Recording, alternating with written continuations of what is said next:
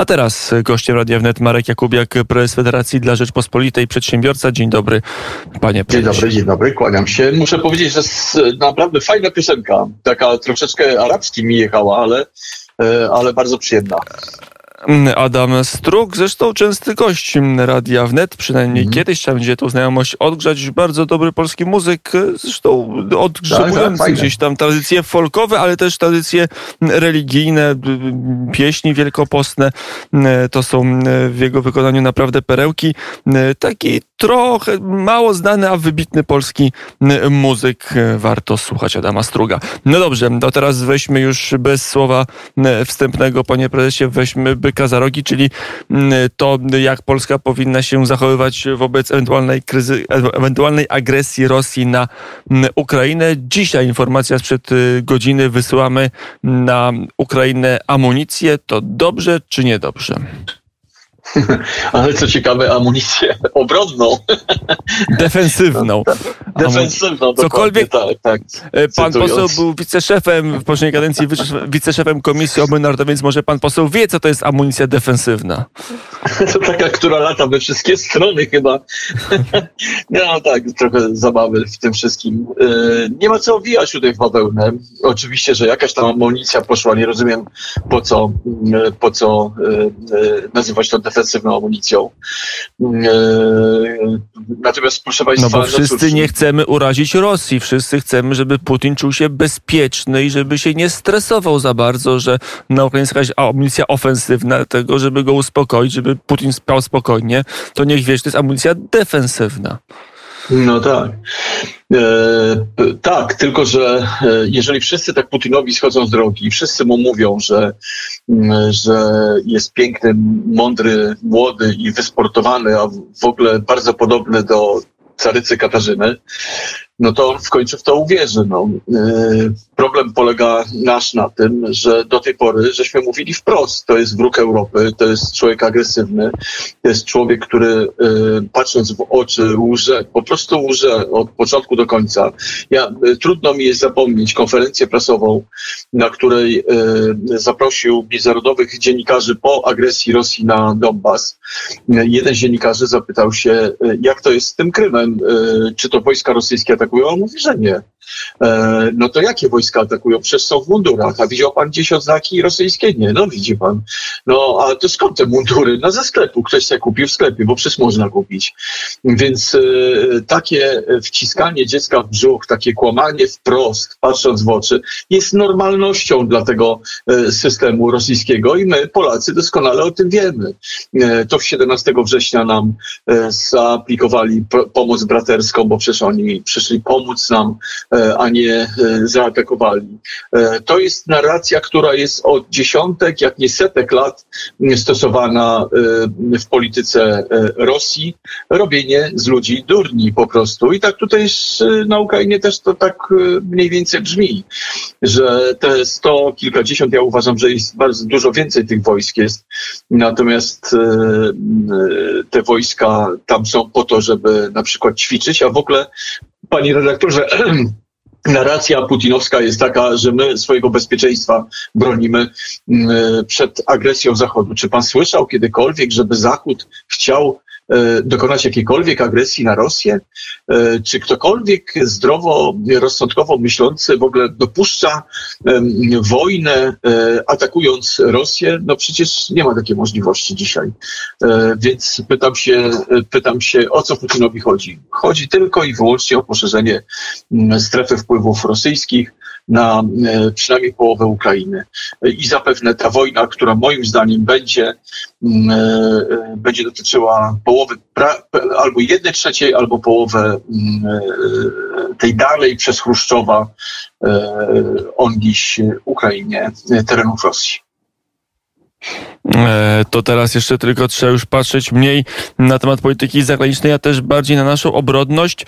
Na ile polska armia jest przygotowana na taki scenariusz, na taki wariant, że tuż przy naszej granicy jest regularna wojna, że rosyjskie czołgi gdzieś tam się po, po stepie ukraińskim rozpędzają, zajmują e, Kijów, a może jeszcze dalej na, na drugim brzegu Dniepru się rozpanoszą? Czy, czy my jesteśmy gotowi jako, jako państwo i nasza armia do tego typu, na, te, na, na tego typu scenariusz? My jesteśmy gotowi do obrony własnych granic, natomiast ukraińska granica to jest zupełnie co innego. E, ja przestrzegam przed traktowaniem Ukrainy jako państwa e, specjalnej troski. To jest ponad 40 milionów ludzi na terytorium dwukrotnie większym od Polski, mającym więcej mm, e, różnego rodzaju kopalin i tak dalej, i tak. Tak naprawdę Ukraina jest bogatym w złoża państwem, stąd pewnie Rosji tak bardzo e, skni się po nocach e, Donbas i odzyskanie tych terenów, które zostały przekazane przez Chruszczowa e, do Republiki Ukraińskiej. Natomiast prawdę powiedziawszy, ja nie rozumiem, dlaczego ciągle cały świat się interesuje tylko i wyłącznie tym, czy Ukraina da sobie radę. Przede wszystkim Ukraina musi w tej chwili myślę, że to tak powinno wyglądać. Gotowość bojową powinna podnieść na, na E, na poziom wyższy, powinna mobilizację ogłosić. E, a czy ogłasza? Nie ogłasza. Co Żeliński robi? Uspokaja wszystkich, że nie, to takie tam, e, bo nie chce do paniki doprowadzić. Po prostu Ukraina musi stanąć na nogi. O wolność proszę Państwa, nie jest dana raz na zawsze. O wolność państw i narodów trzeba ciągle walczyć.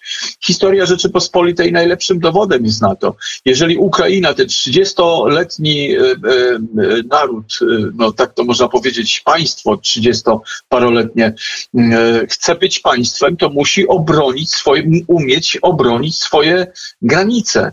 Ja tylko dla utożsamienia siły sprawczej, takiej motorycznej, siły armijnej. 2000 czołgów e, mają Ukraińcy. Mają trochę samolotów, trochę śmigłowców, sami je produkują, e, modernizują i, e, i tak dalej. Oczywiście te czołgi nie są jakieś tam pierwszego sortu, natomiast Rosjanie też nie mają pierwszego sortu i nie ma co tutaj ukrywać, że tam, e, tam, e, jeżeli Rosjanie zdecydują się na wojnę, powinna być e, na wielką skalę, czyli tą skalę ukraińską, po prostu wojna obronna narodu ukraińskiego. Jak będzie, zobaczymy. Mm, do tej pory jakoś w historii tak było, że jak Ukraińcy narozrabiali, to Polacy ich bronili. Za to podziękowali nam Wołyniem i prawie 200 tysiącami zarżniętych Polaków, wyrżniętych za zarżniętych, zamordowanych. Dzisiaj ci bohaterowie e, e, ukraińscy, którzy tego dokonali, stanowią e, ideał, ideę, do którego dążą patriotyczne te kierunki ukraińskie. No, ja powiem, że złapię się za głowę. Mają tyle wzorców innych, na przykład petlurowskich, a oni wolą banderę czarno, czarno-czerwone flagi. Widać na tych czołgach, że do tej pory nie Warto warto wyjaśnić, że e, dla Ukraińców Bandera nie tyle się kojarzy z, z, z rzezią czy z ludobójstwem na Wołyniu, tylko z oporem wo wobec Sowietów i, i raczej ten aspekt mają na, na myśli, o tym drugim w zasadzie nie pamiętając. E, no tak, i, i, e, i, no tak, tylko trzeba dodać, że przeciwko Sowietom, ale w mundurach Waffen-SS. E, i, e, i z całym tym bagażem, który pozostawili e, w Warszawie, na Wołyniu i w Małopolsce Wschodniej. No, prawdę powiedziawszy, do dnia dzisiejszego robią wszystko, żeby Polacy nie myśleli za sympatycznie o nich. Dość powiedzieć, że mamy w tej chwili na granicy ukraińskiej bardzo trudną sytuację, oni blokują polskie transporty. Niedawno jeszcze strzelano do polskich konsulatów z granatników przeciwpancernych, e, więc na Ukrainie polskość nie oznacza wcale e, czegoś, e, czegoś dobrego. Natomiast ponad milion obywateli Ukrainy, prawie dwa miliony, ja tak oceniam przynajmniej, jest na terenie RP i dobrze się tu czują. Wszyscy wiemy, nawet Ukraińcy już. Dzisiaj słyszałem na jednej ze stacji Ukraińca, który mówi, że Jak wojna wybuchnie, to oczywiście do krajów bezpiecznych trzeba będzie uciekać, e, czyli do Polski. No cieszę się bardzo, że Polskę uważają jako bezpieczny kraj, natomiast dobrze by było, żeby nie uciekali, tylko bronili własnego kraju i własnej ojczyzny. E, I, I nie mówimy tutaj w tej sytuacji, ekstremalnej sytuacji, że są to e, rozliczenia gospodarcze, bo to nie są rozliczenia gospodarcze. Trzymanie polskich transportów jest wymuszeniem, próbą wymuszenia przez Ukrainę zwiększenia prawie o 100% przepływu y, tirów, y, czyli transportu kołowego ukraińsko-niemieckiego. E, nie ma już y, pojemności autostrada A4 i bardzo dobrze, że te ograniczenia zostały wprowadzone, bo w końcu Polska jest krajem tranzytowym, ale nie przesadzajmy. Mamy też swoje interesy, nie tylko ukraińsko-niemieckie. Mm, przy telefonie Marek Jakubiak, to jeszcze mm, trochę zajmiemy się polską polityką, która też w weekendy co nieco się mm, poruszyła. Najpierw Platforma miała swoją konwencję programową, mało tam spraw programowych y, padło, jeszcze mniej przebiło się do świadomości ogólnej, no ale widać, że Donald Tusk powoli konsoliduje swoją władzę. Powoli, e, może bez jeszcze wielkich sukcesów, no ale stara się zwasalizować pozostałe partie opozycyjne. Jak wygląda ten powrót Donalda Tuska? Niektórzy mówią, że już jest zadyszka, że Donald Tusk już się skończył. Niektórzy mówią, że e, dopiero zaczyna porządkowanie opozycji, tak żeby mieć czystą, czyste zaplecze do wyborów parlamentarnych. Mówił dziad do obrazu, a obraz ani razu, panie redaktorze. To jest tak, że Tusk mówi do Hołowni, mówi do Czarzastego, mówi do, e, do Kośniaka-Kamysza, e, a oni nic. Więc e, już nawet oficjalnie przyznał się, że prawdopodobnie nie dojdzie do połączenia przed wyborami opozycji e, i będzie samodzielnie walczył. Pytam o co?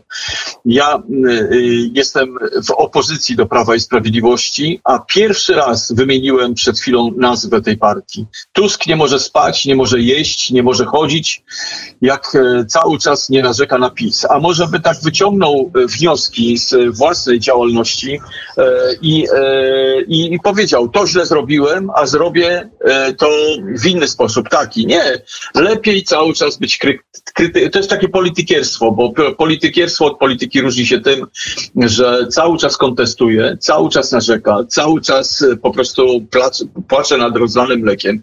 A pytam się, a Prawo i Sprawiedliwość e, pozyskało władzę we własne ręce z jakiegoż to powodu? Że byli mądrzejsi, że byli lepsi? No nie, dlatego że Tusk tak rządził, że oddał władzę w, w 14 roku w ręce Prawa i Sprawiedliwości. No i tyle. I trzeba mieć do siebie pretensje, a nie do ludzi. A on buntuje naród, po prostu buntuje ludzi, dzieli ludzi. I ta nienawiść, która wypływa z jego oczu, z jego ust, z jego gestów, z cytowania ciągle bredni, kłamstw, e, po prostu zwyczajnie e, kiedyś kres znajdą, dlatego że ludzie muszą spojrzeć e, prawdzie w oczy i powiedzieć, no faktycznie za czasów Tuska mówiło się o mirabelkach dla dzieci głodnych i szczawiu, a teraz ten procent głodnych dzieci jest znacznie mniejszy, bo to to wstyd, proszę Państwa, był narodowy, że dzieci w Polsce w ogóle chodzą głodne, a tak było za Tuska.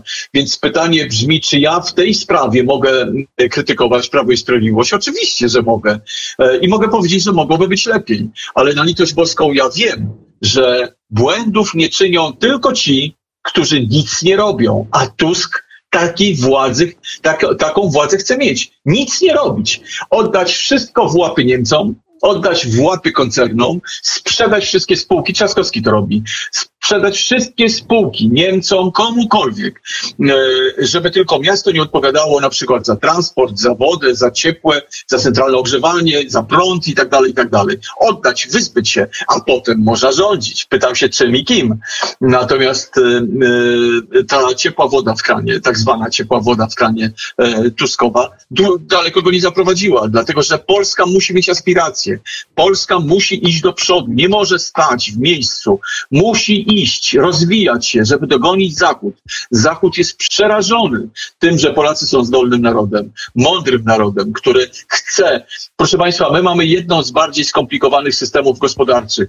Czy wy codziennie słyszycie przedsiębiorców, którzy płaczą nad tym prawem i tak dalej. No oczywiście ja ciągle wyrzucam to, że zapamiętaliśmy sobie z to, Tutaj się nas, na, na koniec zatrzymajmy, bo, bo w, jeśli opowiadamy o Donaldzie Tusku, to ostatnie tygodnie to jest jego spotkania z przedsiębiorcami w mniejszych miastach, którzy narzekają, pokazują wzrost kosztów, wzrost inflacji, e, cały szereg barier, który utrudnia im działania biznesowe.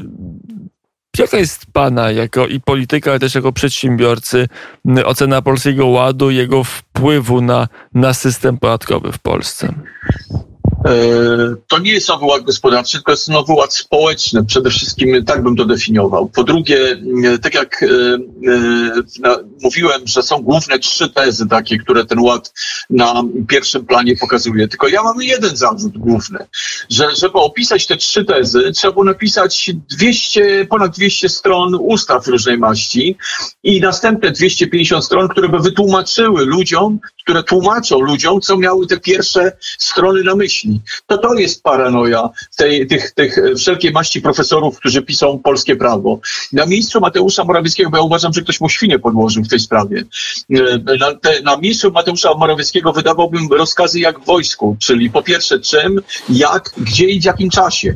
I, e, e, i, i dodatkowo jeszcze macie się zmieścić na 10 stronach. Do widzenia.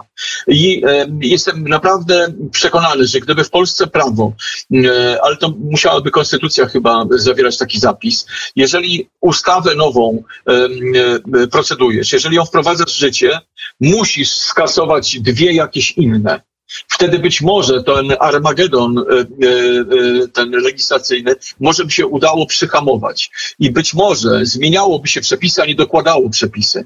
Dziś już ma, jesteśmy w takiej sytuacji, że CIT, podatek CIT od osób prawnych jest nienaprawialny. VAT, proszę Państwa, 70 parę artykułów w pierwszej ustawie przez Modzelewskiego pisano. Dzisiaj Modzelewski mówi, że wszystkie dokumenty, wszystkie opinie i tak dalej, gdyby razem ułożyć, to już ponad milion milion stron. Kto to kurczę przeczyta. Kto to wie w ogóle, co jest prawem, a co nie? Dzisiaj prawo gospodarcze jest interpretowane 400 tysięcy razy w roku. To to jest prawo gospodarcze? E, co to za prawo gospodarcze? Co to za prawo o ruchu drogowym, które trzeba interpretować? No, no nie. Po prostu prawo musi być czytelne. Przedsiębiorca musi wiedzieć kiedy, za co i ile zapłacić tego podatku. No, e, a nie co jest kosztem uzyskania, a co nie jest kosztem uzyskania przychodu. E, dlatego też ja cały czas mówię, że jest taka ustawa Jarosława Dzierżawskiego. Kukiz 15 ją wprowadzał do Sejmu zryczałtowany podatek dochodowy od przychodu, proszę Państwa. 1%. 100 zł zarobiłem, złotówkę oddałem, jestem rozliczony. Do widzenia. Nie ma żadnych kosztów e, e, tej memoriałowej księgowości i tak dalej. Jest kasowa księgowość. 100 zł wpłynęło do kasy, złotówkę oddałem, jestem rozliczony. I proszę Państwa, 10 tysięcy urzędników musi poszukać sobie pracy. Ale ponieważ są bardzo dobrze. A co zrobią doradcy podatkowi, co zrobią kancelarie no prawne? Pan właśnie. prezes jest bezduszny. A. I teraz jest sytuacja taka, że ci właśnie doradcy, ci wszyscy e, e, e, prawnicy od doradzania, optymalizacji i tak dalej, wykazują, że to jest absolutna utopia, że to się tak nie da. A no da się, da się, proszę Państwa, dlatego, że my już mamy taki podatek, który płacimy. I tam na 100 kontroli, proszę Państwa, 99 nie wykazuje żadnych uwag. A więc mamy dzisiaj gospodarkę, w której przedsiębiorca zająłby się przedsiębiorczością, a nie kombinowaniem i uczeniem się codziennie e, prawa, które następuje w tempie no po prostu zatrważającym. No. Nie może tak być. Po prostu nie może. A teraz jeszcze, e, e, jeszcze co ja mam donosić na własnych pracowników albo pracownicy na mnie, że jakieś testy, jakieś te my tam się spotykamy, żeby pracować, zarabiać, podatki płacić, a nie po to, żebyśmy się ścigali, kto teraz testy robił, kto testów nie robił. Po prostu przedsiębiorcy muszą płacić, czyli być tak poborczą e, podatkowym, e, bo przecież genialny pomysł, kiedyś napisałem interpelację w tej sprawie. E, dlaczego przedsiębiorcę zmusza się do tego, żeby pobierał od pracownika podatki? A co my jesteśmy urzędem skarbowym? Przecież jeżeli te, mamy tak wysoko wyedukowany naród, to może urząd skarbowy niech będzie tak uprzejmy poprosić pracowników, żeby sami zapłacili podatki, a wtedy się dowiedzą, ile podatków podatków płacą i od czego te podatki płacą. A nie ciągle ile tylko one, przedsiębiorca jest... najgorsi i najgorsi. Wynoszą. Powiedział no. Marek Jakubiak, prezes Federacji dla Rzeczpospolitej.